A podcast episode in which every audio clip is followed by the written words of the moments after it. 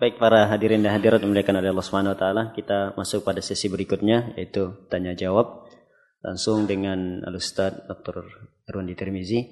Untuk itu kami persilahkan para hadirin khususnya ikhwan terlebih dahulu untuk dua penanya, kemudian silahkan kepada akhwat juga membuat antrian supaya menghemat waktu dan membuat uh, antrian di mic yang telah kami siapkan. Silahkan langsung saja kepada Bapak penanya. Assalamualaikum warahmatullahi wabarakatuh. Assalamualaikum warahmatullahi eh, wabarakatuh. saya ada dua pertanyaan terkait dengan jual beli tanah. Yang pertama, eh, ponakan saya itu membeli tanah dari salah eh, apa tanah yang dikelola oleh developer. Jadi eh, di penawarannya itu sebutkanlah katanya tanah dengan harga katakan 50 juta terus mendapatkan fasilitas dan sebagainya dan dan dan dan uh, pada saat akad atau akte jual beli tanah itu keluar itu di dalam akte jual beli itu uh, harga yang tertera tidak sama dengan penawaran maupun uh, kwitansi yang uh, dibayarkan. Contohnya misalkan tadi penawarannya 50 juta terus uh, ponakan saya tertarik beli cash 50 juta dapat kwitansi, dapat surat pesanannya, selang satu minggu atau dua minggu AJP atau akte tanahnya itu keluar, cuman e, di dalam aktanya itu dia menyebutkan bahwa harga tanah yang dibeli itu harganya bukan 50 juta, cuman e, katakanlah 10 juta gitu. Jadi ada 10 juta. Ya, ada perbedaan harga antara penawaran surat pesanan maupun kwitansi. Nah, itu uh, hukumnya bagaimana Ustaz? Karena uh, sebelum uh, saya waktu saya baca draftnya itu saya juga menanyakan ke ke apa ke penjualnya itu kenapa ada perbedaan harga antara di penawaran sama di akta jual beli dan jawabannya sih yang saya catat itu memang kalau di apa di AJB itu seperti faktur mobil Ustadz atau motor. Jadi harga yang tertera di faktur mobil itu harganya berbeda dengan harga yang kita beli. Itu, itu jawabannya seperti itu. Pertanyaan yang kedua. Tanah milik pembeli kan? Iya Pak. Tanah milik pembeli kan ya? Nah itu ada lanjutannya Ustadz. Ah, di pertanyaan kedua nanti. Jadi pertanyaan kedua di pasal yang lain itu menyebutkan bahwa eh, pihak pertama yang menjual itu namanya bukan atas nama developer tapi nama-nama personal Ustadz. Jadi misalkan nama Tuan A memiliki tanah di bagian utara seluas A, B, C, D. Terus tanah apa Tuan B memiliki tanah di bagian selatan nah, seperti itu. Jadi bukan atas nama developernya. Sekarang uh, tanah atas nama pemilik baru yang pembeli adik Anda tadi. Aktanya Maksudnya gimana? Yang beli siapa adik anda yang, kan ya? Iya, yang beli adik. Sekarang atas nama adik anda atau bukan? Di AJB-nya atas nama adik saya. Ya udah nggak ada masalah. Cuman dia bohong-bohongin dalam pencatatan akadnya agar pajaknya kecil. Ya. Berarti ada unsur kebohongan di dalam akad tersebut atau gimana? Ustaz? Dalam akadnya sah kan nggak bohong. Ini 50 juta. Hah? Tapi yang tertera dalam kertas lain. Tapi 50 juta kan serah. Ini tanah dah pakai tanah. Sah sudah jual belinya. Cuman sekarang jual belinya sah cuman ada bohong di dalam aktanya. Dalam akta jual belinya. Ini tidak berpengaruh kepada sah dan tidak sahnya tapi dia berdosa membohongi negara. Syukran Ustaz. Kalau tujuannya ingin mengurangi pajak, carilah solusi yang tidak dengan cara berbohong. Caranya apa saya tidak tahu juga, tanyalah ke konsultan pajak. Saya bukan konsultan pajak juga saya. Ya, tapi kalau dengan berbohong tidak boleh. Rasulullah sudah mengingatkan kita bahwa nanti akan ada di akhir zaman pemimpin yang zalim di mana mereka pemimpin itu akan mengambil hartamu. Maka kata Rasulullah, Alaika sam'a wa ta'ah. Tetaplah bersabar dan taat dan dengarkan perintahnya. Sekalipun mereka mengambil merampas hartamu. Ini masuk pajak, ini masuk bagian dari merampas harta. Jelas? Tapi bukan dengan cara berbohong. Kalau ada cara yang legal, silahkan. Seperti dulu, wallahualam apakah masih berlaku atau tidak. Dahulu, tanyakan ke Sultan Pajak. Dahulu, bisa dua pilihan. Bisa dengan harga real mana yang terendah. Atau harga, apa namanya, NJOP. Harga nilai, NJOP itu apa? Nilai objek pajak. Begitu? Ya, biasanya NJOP itu kan jauh di bawah harga real kan ya. Bisa pilih salah satu di antara keduanya mana yang ter terendah untuk mengurangi pajak yang dibayar. Tapi sekarang katanya tidak boleh lagi. Mereka keluarkan aturan baru. Lagi butuh uang kan macam-macam ceritanya. Iya nggak ada pajak pun sekarang dipajak. Di rumah makan dulu kan nggak ada pajak. Sekarang warteg pun kena pajak kan ya. Iya. Wallahu taala Syukran Ustaz. Assalamualaikum warahmatullahi wabarakatuh. Assalamualaikum warahmatullahi wabarakatuh. Silakan penanya kedua. Assalamualaikum warahmatullahi wabarakatuh. Waalaikumsalam warahmatullahi wabarakatuh. Yang pertama ini Ustaz, uh, apa hukum orang yang bekerja di perusahaan swasta, dia swasta umum, tapi dia yang bagian mengelola uh, hubungan dengan perbankan gitu. Perbankannya masih konvensional. Jadi hubungan uh, mengelolanya ini dalam artian kayak misalnya setiap tahun atau beberapa tahun sekali itu kan ada perubahan pejabat gitu. Misalnya direktur berubah. Nah, dia yang mengelola untuk uh, tanda tangannya spesimennya itu ke bank gitu. Jadi uh, tapi dia tidak mengelola terkait bunga dan depositonya. Itu yang pertama. Yang kedua, apa hukumnya orang uh, eh bagaimana dia, cara? dia bagian keuangan tapi nggak berurusan dengan uang. Uh, dia sebenarnya dia ber, tidak berurusan dengan uangnya tapi dia cuma berurusan dengan perbankan untuk uh, mengelola misalnya ada perubahan direktur ganti direktur gitu ya. Dia yang bikin uh, perjanjiannya dengan bank untuk uh, tanda tangannya gitu. Uh, perubahan tanda tangan. Hanya itu saja kerjanya? Iya. Berarti kerjanya kalau ganti direktur baru kerja? Uh, kalau nggak ganti direktur nggak kerja kerja berarti. Uh, maksudnya Alhamdulillah, itu ini nikmat ini. Salah satu bagian dari pekerjaannya Ustaz. Maksudnya, ya salah satu yang intinya apa kerjanya dia? Intinya dia bagiannya reporting aja ke, terkait cash flow di perusahaan aja. Itu reporting, tidak berhubungan dengan banknya sendiri, tapi hubungannya dengan uh, pengeluaran cash keluar dan cash masuk itu aja sih. Yang pengeluaran cash masuk keluar ini nggak dari banyak? Pembayaran bunga riba? Pembayaran bunga, bunga riba ada. Ya udah. Tapi dia tidak mencatatnya Ustaz. Dia tidak berhubungan sama itu. Jadi dia cuma mengambil data, datanya itu orang yang nyatet gitu, bukan orang tersebut. Jadi dia cuma kayak kalau terkait yang tadi misalnya bunga riba atau apa, itu dia datanya udah jadi. Dia cuma mengelompokkan misalnya ini te, merupakan cash keluar, ini merupakan cash masuk, disajikan dalam bentuk laporan dilaporkan ke manajemen gitu kata, aja. Kata dia ini ada pembayaran bunga riba. Kata dia. Iya, iya. Tanpa dia bunga riba ini bisa berjalan atau tidak? Tanpa dia bisa. Tanpa ada reportingnya dia ini, itu akan lancar di perusahaan? Bisa.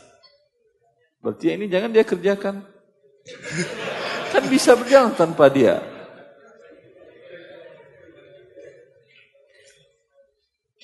Iya sih Ustaz, tapi itu bagian dari pekerjaan dia melaporkan doang sih Ustaz.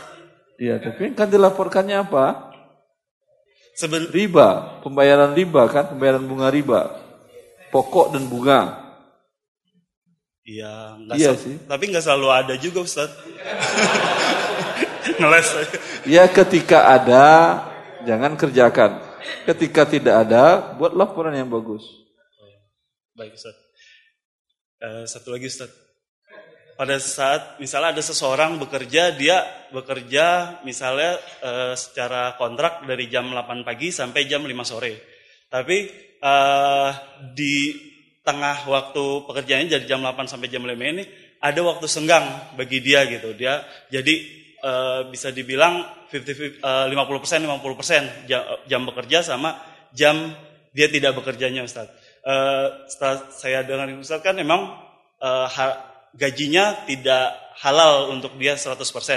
Kalau misalnya saya bisa membaginya misal 50 eh misal misal 50% 50%, apakah halal gaji tersebut jika ada keluarganya dia yang membutuhkan gitu Ustaz?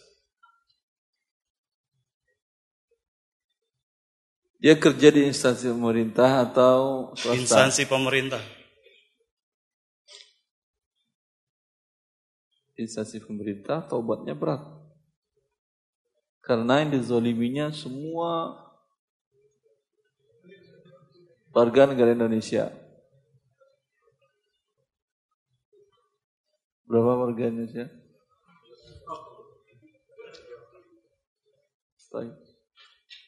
Jadi solusinya gimana Ustaz? Tapi memang dari pekerjaannya itu solusinya pekerjaannya selesai, tetap dia standby di, di tempatnya tanpa ngapa-ngapain. Dia emang digaji untuk tanpa ngapa-ngapain ya, alhamdulillah. Ada orang seperti itu ya? Ada. Sekarang malah lebih banyak. Kan banyak orang yang dirumahkan kan ya? Yang dirumahkan itu dibayar setengah gaji ngapain kerja? Anda kan duduk di rumah artinya kan ya? Alhamdulillah. Boleh kerja apa-apa ya boleh. Kalau ini enggak, duduk di kantor, duduk saja. Kerja yang lain boleh, tentu tidak boleh. Karena ini pegawai negeri. Jelas? Tetap dia duduk, bukan pergi ke mana-mana. Standby. Jelas? Kalau berarti kalau misalnya dia tetap duduk di kantor meskipun tidak melakukan apa pun, halal 100% kerja. gajinya halal, Ustaz. Ya halal gaji buat dia. Setelah halal mau diberikan ke saudaranya boleh. Solusi. Terima kasih solusi. Ya jazakallah khair. Silakan kami uh, persilakan penanya akhwat berpindah kepada penanya akhwat jika ada. Assalamualaikum warahmatullahi wabarakatuh. Waalaikumsalam warahmatullahi wabarakatuh. Uh, Ustadz mau nanya, jadi di aplikasi Gojek itu ada uh, gosen kan yang buat ngirim-ngirim barang. Nah, di situ dia ada dua produk. Yang pertama dikirimnya tuh 1 sampai 2 jam. Yang satu lagi produk yang satu lagi itu dikirimnya di hari yang sama. Nah, eh, biasanya orang-orang banyak milih yang di hari yang sama karena harganya lebih murah. Jarak ke mana pun 15 ribu, tapi pembayaran eh, harus pakai GoPay. Nah, apakah ini termasuk riba atau kalau bisa Anda hidup tanpa berhubungan dengan GoPay, dengan Gojek, ya, lakukanlah. Ya, syukran Ustaz. Hah? Karena bagaimanapun juga perusahaan-perusahaan seperti ini atau Tokopedia dan sejenisnya, marketplace dan lain-lainnya, ini mereka ingin monopoli. Dan sudah terjadi itu. Transportasi sudah terjadi, kemudian di perusahaan-perusahaan retail sudah terjadi, lengang pasar-pasar. Pengangguran pasti jumlahnya tinggi kalau dalam kondisi demikian. Ya. Kemudian uang beredar di sekitar orang tertentu, sedikit orangnya. Karena semuanya ke mereka. Dan mereka buatkan uang khusus namanya GoPay. Sebagai dompetnya. Maka kalau bisa hidup tanpa harus berhubungan dengan mereka, lakukanlah, saya katakan. Walaupun misalnya kayak kepepet banget gitu Ustaz, kayak kan misalnya mau ngirim dari jarak Bekasi sampai Jakarta Barat kan jauh banget tuh. Terus misalnya produknya makanan yang harus dikirim hari itu. Kalau misalnya pakai Anda penjual atau pembeli? Penjual, Ustaz. Oh. Nggak bisa menggunakan jasa orang biasa tanpa harus Bisa sebenarnya Ustaz, dengan- tapi kan eh, biasanya tarifnya lebih mahal gitu dan biasanya pembeli Memang itu tujuan mereka. Mereka memberikan diskon untuk mematikan. Diskon untuk mematikan itu itu diharamkan. Tapi masalahnya bukan kita juga yang akan mengaturnya seperti itu. Inilah fungsi negara. Mengatur agar tidak saling membunuh sesama para warganya tadi. Kalau itu tidak dilakukan fungsi negara ini, terjadilah negara rimba. Di mana satu dan lainnya saling bunuh. Tapi kalau misalnya pembelinya yang bilang ya udah saya aja yang mesen pakai GoPay gitu, kita sebagai penjual eh, berdosa nggak Ustaz? Ya apa-apa. Ah, Kalau dia yang melakukan ya syukran Allah yang barik. Penanya yang kedua, silakan Ibu. Assalamualaikum warahmatullahi wabarakatuh. salam warahmatullahi wabarakatuh. Eh, saya memiliki keponakan banyak Ustadz. Masya Allah, tabarakallah. Nah, Qadarullah sekitar eh, puasa kemarin ada keponakan Ana sakit eh, kena anemia dan eh, kekurangan protein akut. Eh, itu dikarenakan dia eh, menyusut tapi nggak mau makan dan keadaan ibu bapaknya juga eh, kurang gitu Ustadz. Dan dokter eh, memberi jangka waktu kepada anak tersebut eh, agar berat badannya naik dikarenakan pada saat itu masuk rumah sakit dengan sesak napas kekurangan oksigen yang sangat jauh gitu Ustadz. Nah, Ana berinisiatif eh, izin kepada ayahnya untuk merawat anak tersebut eh, dikarenakan eh, ibunya itu sedang hamil lagi gitu Ustadz.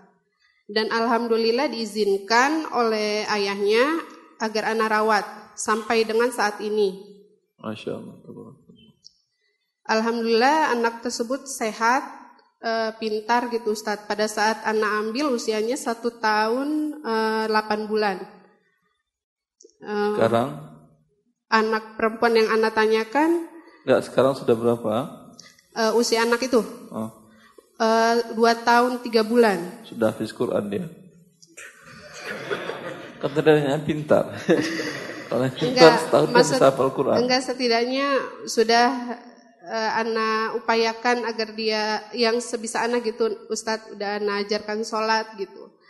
Eh, dan eh, kemarin kembali ke orang tuanya, saya ajak main ke orang tuanya, ternyata orang tuanya kangen dan tidak memperbole- memperbolehkan ikut kembali ke Ana gitu Ustadz. Iya. Iya, memang anak-anak mengikhlaskan gitu Anda Ustadz, yang ikut ke sana, tinggal di sana numpang. Gantian. Ya, Ana juga dalam apa awal mengambil anak tersebut juga Ana berniat hanya merawat dan mendidik itu Ustadz sebisa Ana. Eh, apa namanya setelah Ana seminggu ini lepas dari anak itu Ana sedih aja gitu Ustadz karena keadaan ibu bapaknya itu Harusnya Anda bangga, anak kembali ke orang tuanya kok Anda sedih. tidak maksudnya biasanya sama Ana sholat sama orang tuanya nggak sholat. Biasanya sama Ana misalnya saya ajarkan untuk minum pakai tangan kanan sama orang tuanya kalau dia pakai tangan kiri tidak dilarang gitu Ustadz. Nah yang saya eh, Anak kan berumur 2 tahun kan ya? iya betul Ustadz. Anak 2 tahun sudah wajib sholat. Eh, Tidak Ustadz Sudah maksudnya berdosa dia pakai tangan kiri. Tidak Ustadz. Ya Alhamdulillah. Tapi kalau Anda melihat orang tuanya kayak ayahnya maaf Ustadz, dia memiliki apa penjaga hodam gitu Ustadz di badannya yang Anda tahu persis. Ya istilahnya ngelihat keadaan orang tuanya Anda sedih gitu Ustadz. Oh, Nah, yang mau Anda tanyakan apa dia apa ad- eh, di dalam Islam itu kan tidak boleh meminta-minta ya Ustadz. Tapi dalam keadaan seperti ini, darurat seperti ini, apakah boleh gitu Ustadz eh, saya meminta agar anak tersebut anak rawat kembali gitu Ustadz. Dan ibunya atau kakak saya itu juga bilang kalau bisa kalau yang ini jangan kalau mau yang di perut katanya memang dia nggak mampu gitu Ustadz dalam dalam merawat anaknya gitu Ustadz. Tapi Ana bilang sama kakak Ana, eh, silakan suaminya ngomong ke suami Ana gitu loh Ustadz. Tapi sampai saat ini belum ngomong gitu Ustadz. Kalau menurut Ustadz, kalau seandainya Ana yang meminta dahulu, apakah boleh gitu Ustadz di dalam Islam? Minta anak ya tidak boleh lah. Meminta untuk merawat gitu Ustadz. Soalnya ibunya juga apa namanya sudah bilang gitu kalau anak udah 8 tahun nikah tapi belum memiliki anak gitu Ustadz. Kalau seandainya memang istilahnya saya boleh untuk merawat oleh orang tuanya apakah bagaimana gitu Ustadz di dalam Islam ada apa namanya merawat mengambil anak dari saudara gitu Ustadz? Ini sekarang orang tuanya kan tidak mengizinkan. Haknya dia memang. Ya, kecuali Anda ajukan ke pengadilan. Di pengadilan pun nggak bakal menang. Suami istri aja mungkin nggak menang. Saling berebut. Apalagi yang ini Anda adalah bibinya. Ya, biarkanlah, berdoalah kepada Allah dan bantu dia secara materi itu bisa melepas kekurangan Anda yang belum dapat diberikan rezeki oleh Allah dalam bentuk anak. Baik. Lalu yang mau Anda tanyakan, kalaupun seandainya Anda merawat anak orang lain ataupun anak saudara, kalau dalam Islam itu aturannya seperti apa ya Ustadz? Agar menjadi mahram suami Anda gitu Ustadz. Soalnya Anda beberapa kali e, ditawarkan untuk merawat anak, tapi anda masih takut aturan Islam itu bagaimana? Berikan dia air ASI dari saudari Anda yang mau keluar anaknya tadi. Dalam uh, hadis Zaifah bin Yaman di mana dia ingin mengangkat salah seorang anak kemudian diambil air susu istri, uh, i, saudari dari istrinya untuk diberikan ke anak tadi. Baik. Baik Ustaz, jazakallahu khairan Ustaz, barakallahu uh, kita bacakan satu penanya dari jamaah Ustaz yang melalui via tulisan. Assalamualaikum Ustaz. Bagaimana hukum seorang pekerja bangunan yang mengerjakan proyek perumahan yang perumahan itu nantinya akan dikreditkan dengan sistem riba? Bagaimana hukum seorang pekerja itu? Dia membuat rumah untuk dihuni. Kemudian nanti rumah ini setelah selesai mungkin dijual dengan kredit riba, mungkin tidak atau Memang 100% akan riba. Silakan siapa yang penanya tadi? Hah? 100% akan diribakan. Kalau dalam membeli cash nggak dijualnya. Enggak. Memang hanya dijual dengan cara riba. Kalau udah cash nggak dijual. Yang punya antum atau orang? Penanya Saya kira siapa kalau penanya? orang sehat tentu buku sudah tidak ada. Kalau orang sehat, orang Anda mau beli cash, tentu akan dijualnya. Walaupun harganya lebih murah daripada yang tidak cash. Ya, maka ada kemungkinan setelah jadi bisa beli cash atau juga tidak. Wallah taala. Itu masalahnya mubah. Baik, silakan langsung bertanya pada pertanyaan pertama. Assalamualaikum warahmatullahi wabarakatuh Ustaz. Assalamualaikum warahmatullahi wabarakatuh. Saya mau bertanya hukum dagang ya. Maksudnya saya baru mulai usaha tiga bulan Kaos kaki. Saya anak sih ada rencana mau apa join sama kooperasi Tapi saran dari kooperasi tersebut Kita gabung dulu gitu Join itu maksudnya Gabung join apa sama kooperasi Kita harus bayar per bulan sebagai tabungan dia Sebesar 75 ribu Nama yang anak tanya itu boleh apa tidak Ustaz? Kita naruh barang tapi kita gabung dulu per bulan kita dipotong misalnya bukan dipotong apa kita bayar 75 ribu situ Ustaz. 75 ribu bentuknya apa ini sewa atau apa? Tabungan kalau kata kooperasi tersebut. Uang Anda berarti? Uang anda saya. Tidak hilang? Tidak hilang. Kemudian dapat apa Anda? Dia bilang dapat SHU sih. Anda untuk ketika mau jualan atau sisa? Jadi sekalian gabung, pas gabung situ kita bisa jualan dan dapat SAU juga di situ. Jualan apa? Kos kaki kita naruh kos kaki di sana. Anda titip jual ke dia? Iya, nitip sih sistem nitip. Anda taruh dulu barang Anda, laku baru Anda ambil gitu. Ya titip jual kan ya. Iya titip jual. Titip jual dengan syarat harus nabung. Iya harus nabung dulu di situ. Eh. Allah taala alam. Harusnya Anda yang nitip, dia yang nabung ke Anda. Sebagai jaminan. Kalau dia nggak bayar, ada jaminannya. Ini sekarang Anda rugi dua kali. Hilang barang, hilang uang tabungan.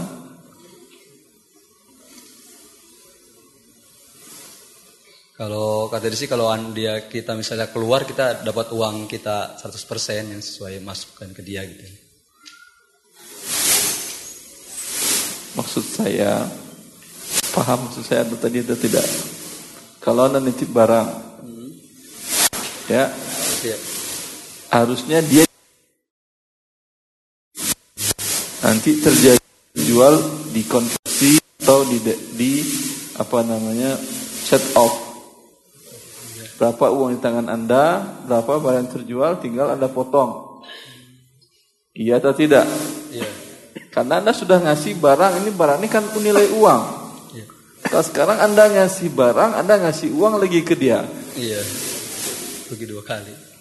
dua kali kalau kalau anda mungkin dia punya motor kasih lagi dia motor Oke. ya Oke, Ustaz. Makasih. Pertanyaan kedua, Ustaz.